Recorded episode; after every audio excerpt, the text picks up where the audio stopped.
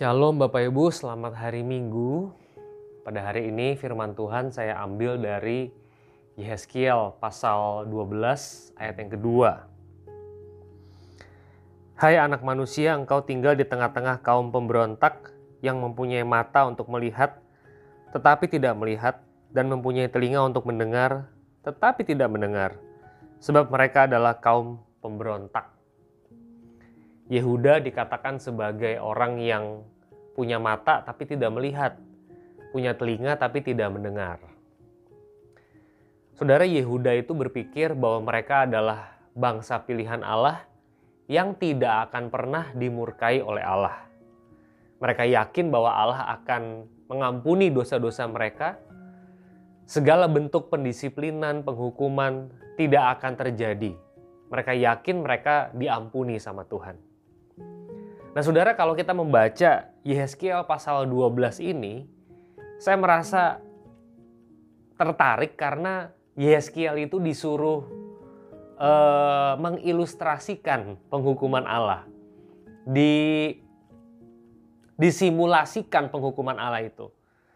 Saya bacakan ya. Ayat 3 sampai 7. Yeskiel 12 ayat 3 sampai 7, maka engkau anak manusia sediakanlah bagimu barang-barang seorang buangan dan berjalanlah seperti seorang buangan pada siang hari di hadapan mata mereka. Pergilah dari tempatmu sekarang ke tempat yang lain seperti seorang buangan di, di hadapan mata mereka. Barangkali mereka akan insaf bahwa mereka adalah kaum pemberontak. Bawalah barang-barangmu itu keluar seperti barang-barang seorang buangan pada siang hari di hadapan mata mereka. Dan kau sendiri harus keluar pada malam hari di hadapan mata mereka. Seperti seorang yang harus keluar dan pergi ke pembuangan di hadapan mata mereka, perbuatlah sebuah lobang di tembok keluar dari situ. Di hadapan mata mereka, taruhlah barang-barangmu ke atas bahumu, bawalah itu keluar pada malam gelap, engkau harus menutupi mukamu sehingga engkau tidak melihat tanah. Sebab aku membuat engkau menjadi lambang bagi kaum Israel. Lalu kulakukan seperti yang diperintahkan kepadaku, aku membawa pada siang hari barang-barang seperti barang-barang seorang buangan, dan pada malam hari aku membuat dengan tanganku sebuah lubang di tembok.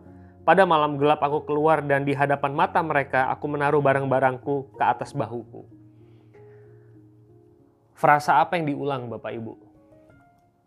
Di hadapan mata mereka. Itu diulang-ulang.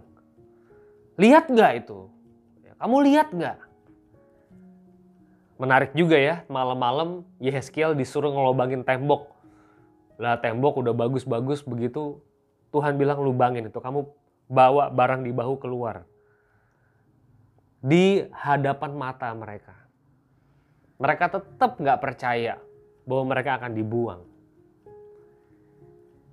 Yeskiel 12 ayat 17 sampai 20 Lalu datanglah firman Tuhan kepadaku, hai anak manusia, makanlah makananmu dengan gemetar, dan minumlah air dengan menggigil dan dengan hati yang cemas.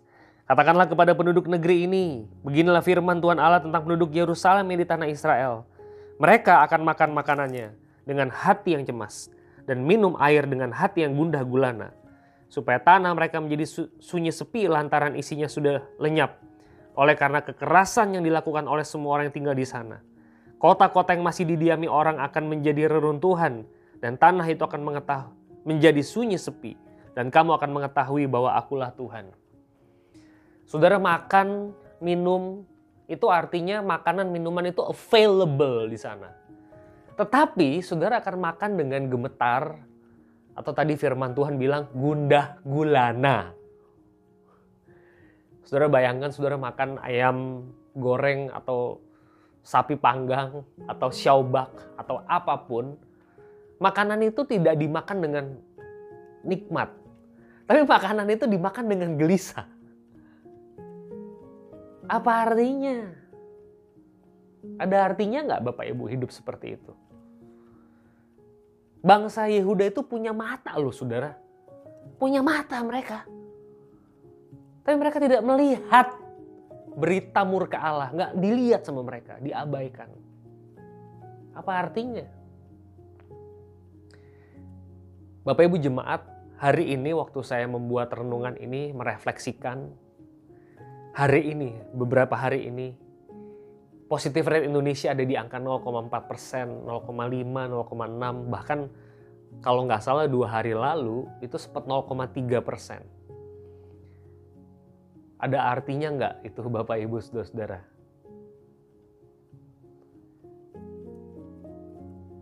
Saudara kadang-kadang saya memikirkan hal yang kita pikir baik itu ternyata nggak baik-baik banget.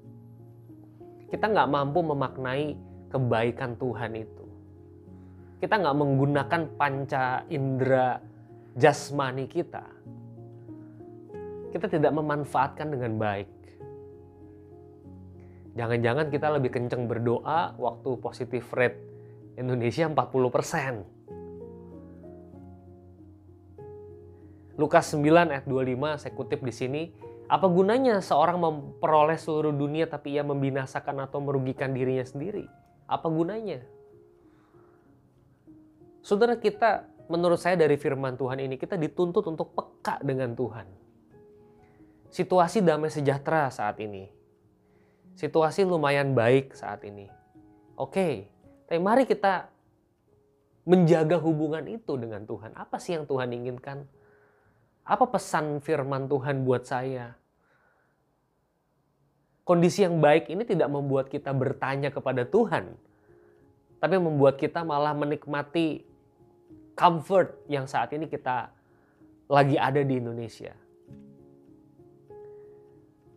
Saudara saat teduh hari ini juga membaca 1 Tesalonika 5 ayat 2 dan 3. 1 Tesalonika 5 saya baca dua ayat. Karena kamu sendiri tahu benar-benar bahwa hari Tuhan datang seperti pencuri pada malam. Apabila mereka mengatakan semuanya damai dan aman, maka tiba-tiba mereka ditimpa oleh kebinasaan seperti seorang perempuan yang hamil ditimpa oleh sakit bersalin. Mereka pasti tidak akan luput. Saudara harus siap untuk hal yang terburuk. Dan kesiapan itu hanya ada kalau kita keep in touch sama Tuhan. Saya jadi menggumuli kematian saudara ketika membaca 1 Tesalonika 5 ini rest in peace itu baik atau tidak?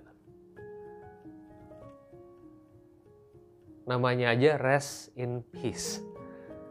Baik ya seharusnya. Saudara saya tahu tidak mudah untuk menjelaskan bagian ini. Paulus mengatakan aku harus memilih hidup atau mati aku nggak tahu. Hidup Kristus mati keuntungan. Tapi kalau harus memilih bersama dengan kamu ya sudah aku akan hidup bersama kamu. Tapi mana yang harus kupilih? Aku tidak tahu. Saudara baik hidup maupun mati, kita harus lakukan itu di dalam Tuhan. Kita hidup nih, mata hidup, telinga hidup berfungsi. Tapi Tuhan nggak ada, nggak ada gunanya.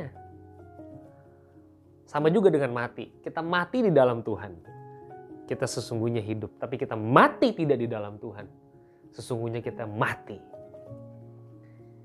Jadi baik hidup maupun mati, Bukan itu permasalahannya. Apakah kita punya intimacy with God? Kalau kita punya intimacy with God, waktu kita hidup, kita benar-benar hidup. Dan waktu kita mati, kita lebih hidup lagi.